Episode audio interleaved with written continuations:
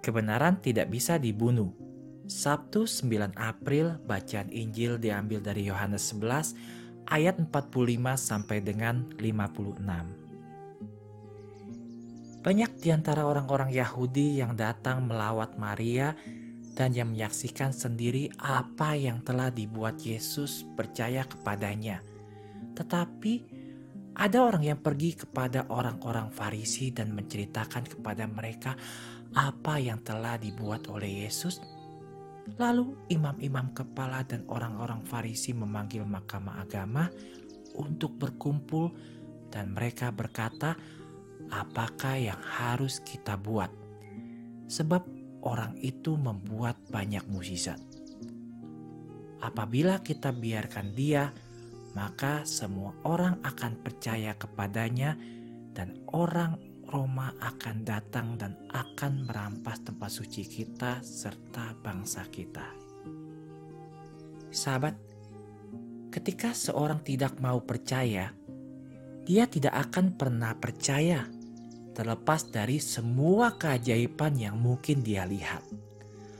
Ayat-ayat Santo Yohanes sebelumnya menjelaskan kebangkitan Lazarus dari kematian setelah dikubur selama empat hari di makamnya. Banyak orang Yahudi ada di sana dan melihat keajaiban itu. Faktanya, keajaiban itu tidak bisa disangkal. Karena itu, Injil mengatakan banyak orang percaya kepadanya.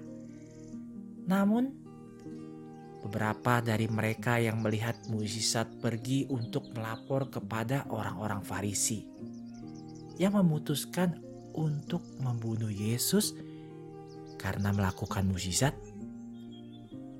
Bisakah Anda percaya, sahabatku? Ini menjelaskan Injil beberapa ayat kemudian. Imam kepala berencana untuk membunuh Lazarus juga karena kebangkitan dia membuat banyak orang Yahudi pergi dan percaya kepada Yesus. Jadi begitulah, mereka kehilangan orang-orang yang mengikuti Yesus sekarang. Mereka siap untuk membunuh Yesus, Lazarus, dan siapa pun yang perlu mereka bunuh untuk menghentikan orang-orang percaya kepada Yesus. Mereka memang membunuh Yesus, dan setelah Yesus mereka membunuh banyak pengikutnya dimulai dengan Santo Stefanus. Tetapi semakin banyak orang yang mereka bunuh, semakin banyak orang Kristen yang bertobat. Kebenaran tidak bisa dibunuh. Seperti sebutir gandum, ia tumbuh dan menghasilkan buah ketika mati dan dikubur. Besok kita memulai pekan suci. Seminggu ini mari habiskan waktu bersama dengannya dengan doa yang intens. Yesus, engkau tidak akan mati di kayu salib sendirian kali ini. Anda sahabat dan saya akan berada di sana. Santo Jose Maria juga berkata, Tuhanku dan Allahku, di bawah mata kasih bunda kami, kami bersiap untuk menemani Anda di sepanjang jalan kesedihan ini yang merupakan harga untuk penebusan kami.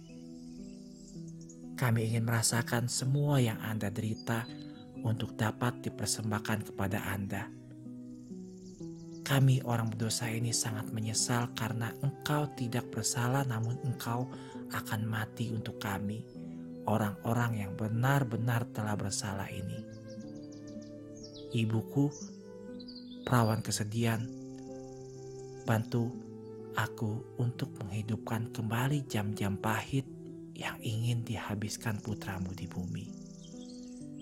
Bunda Maria, harapan kita dan tata kebijaksanaan, doakanlah kami.